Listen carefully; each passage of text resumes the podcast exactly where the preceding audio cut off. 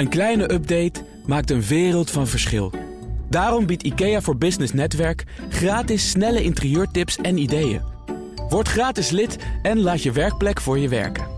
IKEA, een wereld aan ideeën. BNR Nieuwsradio. BNR Zaken doen. Thomas van Zeil. Ondernemersvoorzitters halen uit naar premier Rutte. Bedrijven halen het liefst een CEO van buitenaf. En Waarom gaan zo weinig ondernemers op vakantie? Dat en meer vandaag in het ondernemerspanel bestaande uit Floris Venneman, managing partner van Bureau 50. Dat is een bureau voor het ontwikkelen en vermarkten van producten en diensten gericht op 50-plussers. Arco van Brakel, de CEO van het Semco Staal Instituut. Altijd onderweg in het hele leven, nu ook nog in de auto. Ik hoop dat hij op tijd is. En mijn zakenpartner is Dorit Roest, founder van The Influencers Movement. Tim, een platform voor influencer marketing. Welkom allen allen. Dank. Inclusief alvast. Echo, echo. Ja. ja. Nou, we beginnen met, uh, met jullie eigen nieuws. Dat zeg ik dan maar eventjes uh, allereerst tegen jou, Floris. Waar wil jij het over hebben? Nou ja, goed. Um, jullie hebben het waarschijnlijk niet kunnen missen. Maar de PABO, uh, en dan bedoel ik niet de school waar je leert voor juf of meester... maar het Nederlandse erotiekbedrijf is voor de tweede keer failliet verklaard afgelopen week. En um, überhaupt vond ik het al fascinerend dat een bedrijf in zo'n korte tijd, want pakken bij de jaar geleden alweer failliet verklaard is. Uh, in een branche die wij even met de 50-plus pet op uh, kijkende alleen maar zien groeien. En dan um, met de 50-plus nou, pet? Ja, nou goed, uh, het werd net al even kort in de aankondiging gezegd... maar wij doen natuurlijk niks anders dan het helpen van, uh, van uh, ontwikkelen en vermarkten van producten en diensten voor ouderen. Mm -hmm. um, en wij zien gewoon die, die markt voor seks, erotiek oh, en dat soort dingen op die manier enorm groeien, ook onder de doelgroep. Dus, dus de, de, de oudere doelgroep is heel veel bezig met de Is daar ook heel stiekem enorm ah, veel mee bezig. Dus meer dus, dan ooit. Meer dan ooit zelfs, ja. Dus het fascineert me dat zo'n bedrijf alweer failliet gaat. Maar wat ik dan nog mooier vind, is dat een of andere ondernemer uit Veendam, EDC Retail, die online super actief zijn met Easy Toys, dat die gewoon bam, vol bovenop duiken en daarmee niet alleen hun markt in Nederland enorm vergroten, maar in één klap ook in Duitsland en in Frankrijk uh, een enorm groot markt ja, aan vol bovenop duiken. Dus, Hier heb je ja, over nagedacht of niet? Uh, zeker niet. Deze was vrij okay. spontaan. Dankjewel. Ja. maar, maar wat, wat, gaan zij daarmee doen dan? nou ja, goed, kijk, zij zijn natuurlijk ontzettend goed in het online verkopen van seksspeeltjes en alles wat daarmee te maken heeft. En, het failliete bedrijf is overgenomen nu ja, al? Ja, okay. dus in een hele korte tijd. Dus ik, ik vind het een hele mooie, slimme stap van deze nuchtere Groningse ondernemer. Over een jaar weer een faillissement. Uh, zeker niet, want uh, als het, uh, het is bij, bij deze ondernemer in hele goede handen. Ja. Ja. Maar toch, toch nog even wat je zegt. Hè? bedrijf binnen zeer korte tijd voor de tweede keer failliet. je komt dat wel vaker tegen. Hè? Bedrijven die maar blijven strompelen en nog een keer een kans en dan toch weer niet.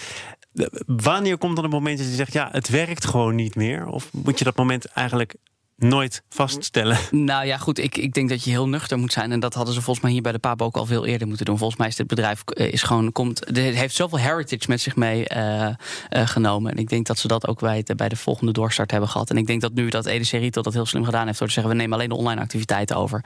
Want dat is waar wij goed in zijn, dat is de business die we snappen. En de rest met die winkels en zo, dat uh, mag dan een ander doen of zitten. niet. Arco, welkom. Dankjewel. Ja, heel luxe. Hè? De stagiair zet je auto weg, zodat jij kunt vlammen in dit panel. De service gaat zo ver hier. Ja, ja. Nou ja, het enige wat je moet doen is met een inspirerend nieuwsverhaal komen. Waar wil jij dit panel mee aftrappen? Nou, eh, ik vond het wel interessant dat er eh, voor gekozen is om de franchise-nemers wat beter te beschermen. Door de overheid zijn nu een aantal wetten om dat mogelijk te maken. Uh, enerzijds heb ik altijd een beetje moeite met wetten die, die ondernemerschap moeten reguleren. Want ik vind uh, dat je dat zelf met goede afspraken moet doen. Maar anderzijds snap ik het ook wel een beetje. Want uh, franchise-nemers die zijn vaak toch wel de onderliggende partij ten opzichte van de franchisegever. Uh, franchisegever die hebben vaak enorme juridische apparaten, vooral de grote internationale ketens.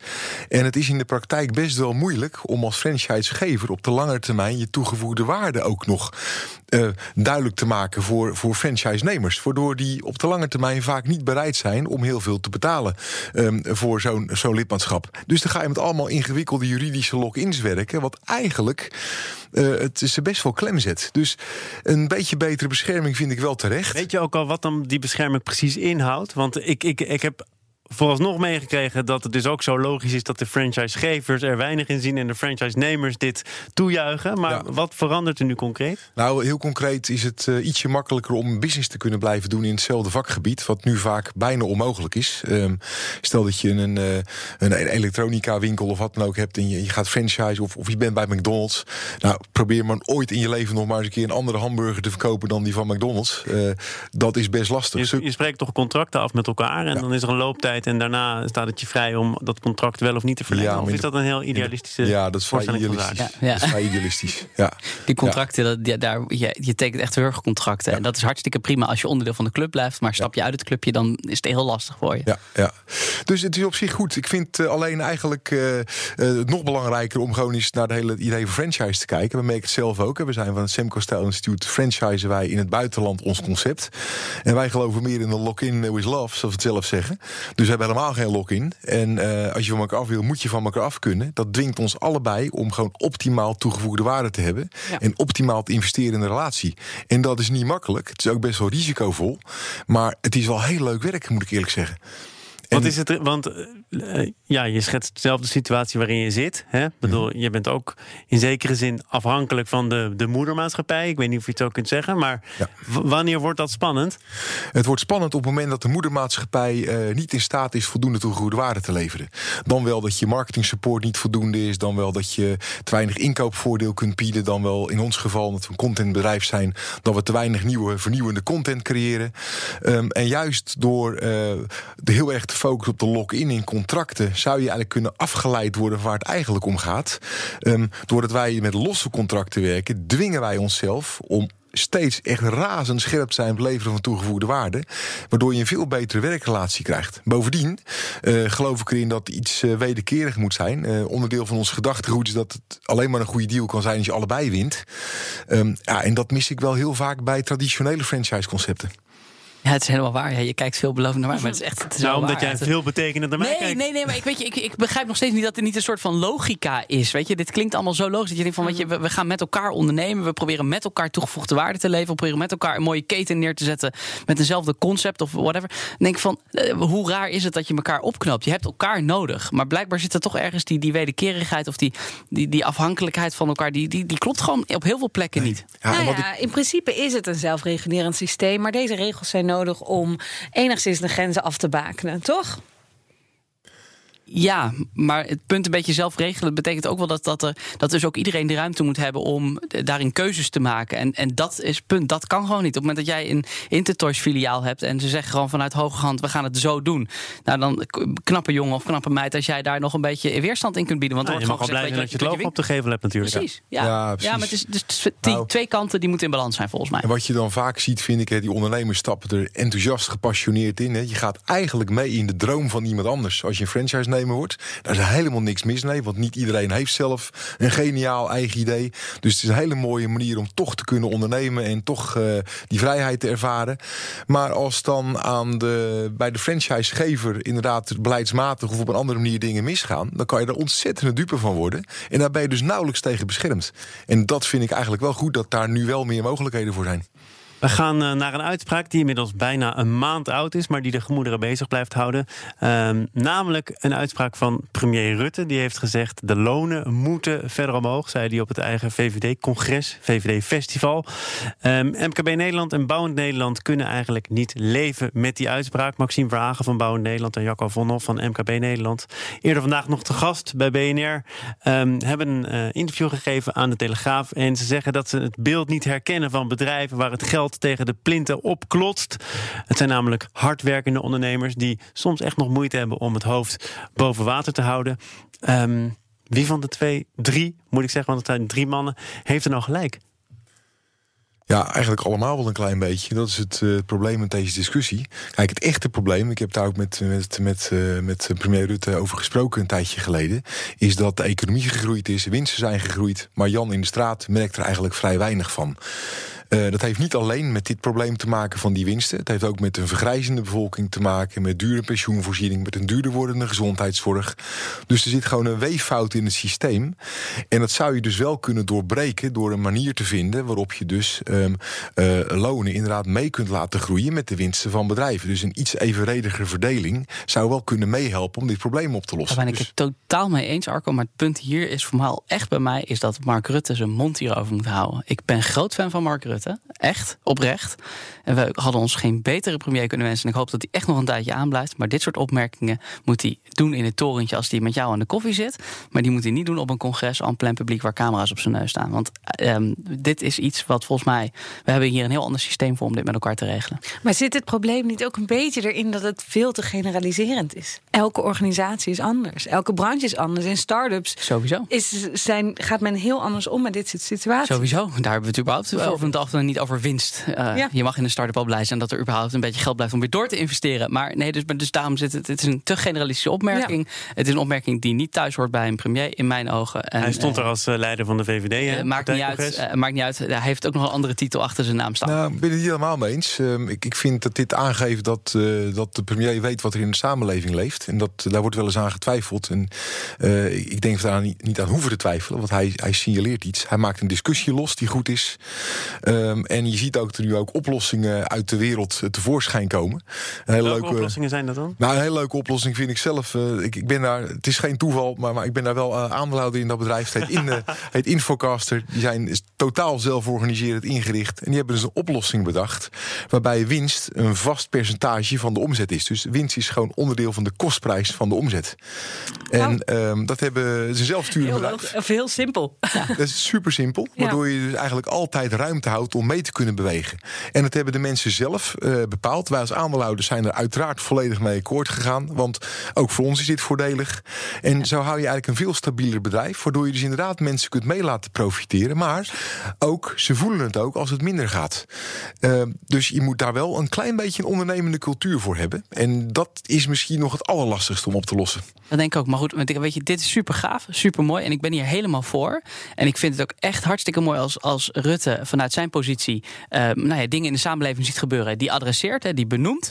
Ehm, het punt alleen is een beetje dat hij in diezelfde volzin er ook gelijk wat oplossingen bij eh, heeft genoemd. Waarbij hij eigenlijk tegen ondernemers zegt: eh, Nou ja, lever maar een beetje van je winst. En, en je moet verplicht even de salarissen verhogen. Even gechargeerd. Want daar komt het wel een beetje om neer, denk ik. Als hij was opgehouden met: Jongens, ik zie wat dingen gebeuren. Misschien moeten we hier eens wat met elkaar mee gaan doen. Had je mij niet dat tweede deel dat is een dreigement of chantage. dat is, dat is een, een vorm van dreigement en een vorm van overheidsbemoeienis. Want je legt gewoon een bepaalde druk op. Ik denk, ja, Ja, volgens dat, mij past dat dat, is niet wat minder helemaal. liberaal dan je zou mogen verwachten. Dat ben ik wel met je eens. Precies, ja. Ik heb hier meer over gesproken met eh, ondernemers, CEO's ook. En die zeggen: Ja, kijk eens, eh, ik snap dat hij het zegt. Hè. Ik bedoel, het is een terechte zorg. eh, kijken of we zoveel mogelijk mensen kunnen laten merken dat het economisch beter gaat. Dat kan ook door lasten anders te verdelen. Door ervoor te zorgen dat mensen op een andere manier meer overhouden van hun salaris. Is dat de richting eh, die Rutte ook had kunnen kiezen? Ja, zeker. Maar ook dan los je niet het hele probleem op. Ehm, je hebt heel simpel te maken met een demografisch gegeven. Dat we de komende 50 jaar. Hè, onze, we hebben al lang geen bevolkingspyramide meer. We hebben een urnvormige piramide. Niet geheel toevallig. Ehm, dus eh, dat betekent dat we de komende 50 jaar gewoon een verdomd dure demografie hebben. En dat, dat wordt heel erg lastig. Dan kan je de economie. Die gaat daardoor sowieso minder hard groeien. Maar stel dat die groeit, dan zal de groei grotendeels in pensioen en gezondheidszorg gaan zitten. Dus ja, om daarvan mee profiteren is verdraaide ingewikkeld. BNR Nieuwsradio. BNR Zaken doen. Te gast is het ondernemerspanel bestaande uit Arco van Brakel, de CEO van het Semco Style Instituut. Floris Venneman, managing partner van Bureau 50. En mijn zakenpartner is Dorit Roest van Tim. En we praten over Nederlandse bedrijven die opvallend vaak een CEO van buiten halen. Blijkt uit een rapport van Corn Ferry. En dat is volgens het adviesbureau opvallend, omdat een interne kandidaat uiteindelijk vaak beter presteert. Waarom dan toch eerst elders kijken, Arco?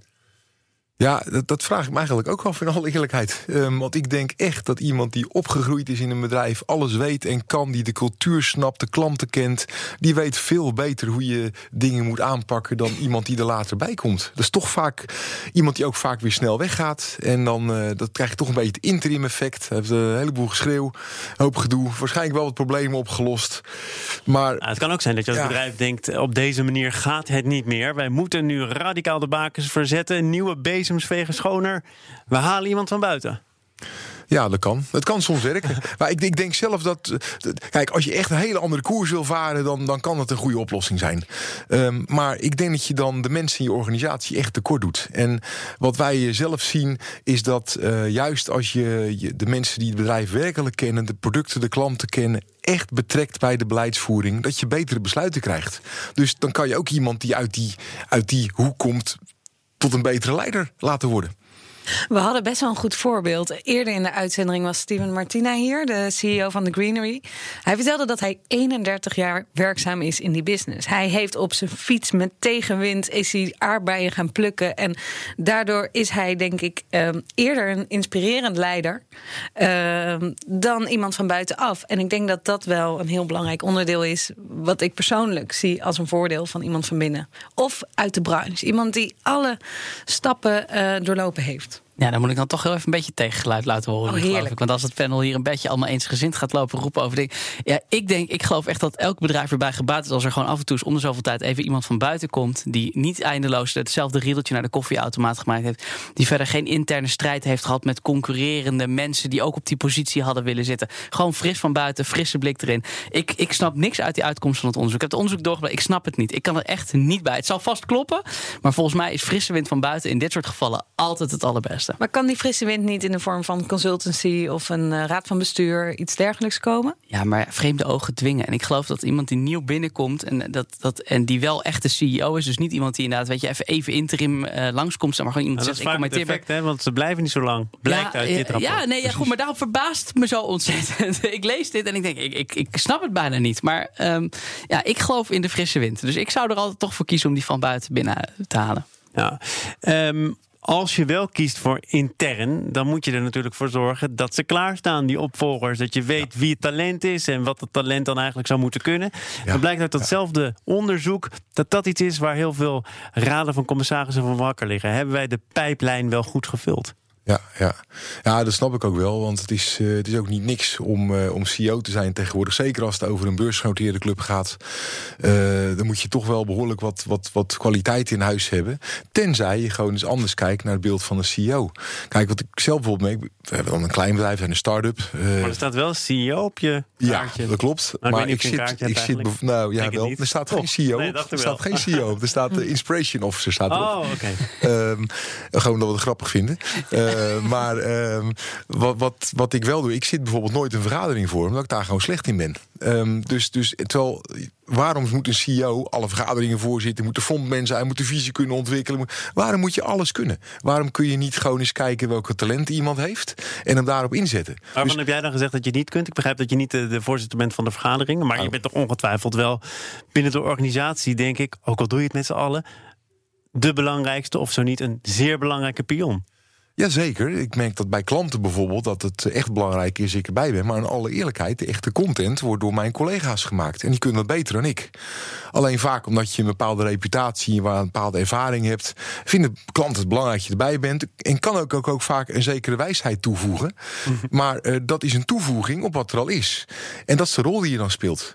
Eh, maar dat betekent niet dat ik alles moet weten en alles moet kunnen. Ik denk zelfs dat een echte flaw is eigenlijk in het hele design van management boards. Waarom moet je alles weten als leider? Waarom gebruik je niet gewoon de kennis in je organisatie beter? En dat kan juist in iemand. In de start-up scene zie ik dat ook wel heel veel hoor. Want ik, ik zit er inmiddels zes jaar in. Dus er heel veel mensen om mij heen, ook en uit mijn netwerk, die zitten nu op een punt dat je opgeschaald bent en dat je een groter team hebt. En dat je dus gaat herevalueren van oké, ik sta aan het hoofd van het bedrijf. Maar wat zijn nou mijn kwaliteiten? Hoe kan ik in mijn kracht staan? Hoe kan ik het bedrijf naar een hoger niveau brengen? En bij een start-up is daar vaak nog best wel veel flexibiliteit in. Om dan complementair mensen te vinden die jou aan kunnen vullen op het leiden van een vergadering of een, eh, eh, de content daadwerkelijk maken. Ehm, maar is die flexibiliteit er bij dit soort grote corporates en, en bedrijven? Ja, volgens mij is dat eh, een, een keuze die je moet maken als organisatie. Hoe richt je dat in? Ik bedoel, eh, volgens mij is er niks mooiers dan mensen op, optimaal in hun kracht zetten. Om dan toch die termen nog maar weer eens een in te gooien. Nou, de panel is nu af.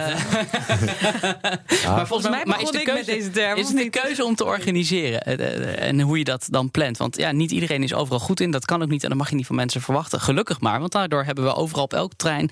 Ja, weet je, ik heb mensen om me heen nodig die de waarmakerij doen. Ik kan dingen heel mooi verkopen, verbindingen leggen, ben ik briljant in. Maar op een gegeven moment kom ik toch licht gestrest. Jongens, we hebben weer een opdracht. En dan ben ik heel blij dat mensen zeggen: ja, vet, we hebben weer een opdracht. Dan kan ik weer het project gaan managen, kan ik weer de- deadlines gaan neerzetten, allemaal dat soort dingen. Nou, daar moet je mij niet voor hebben. Nou, Nee, mij ook niet hoor.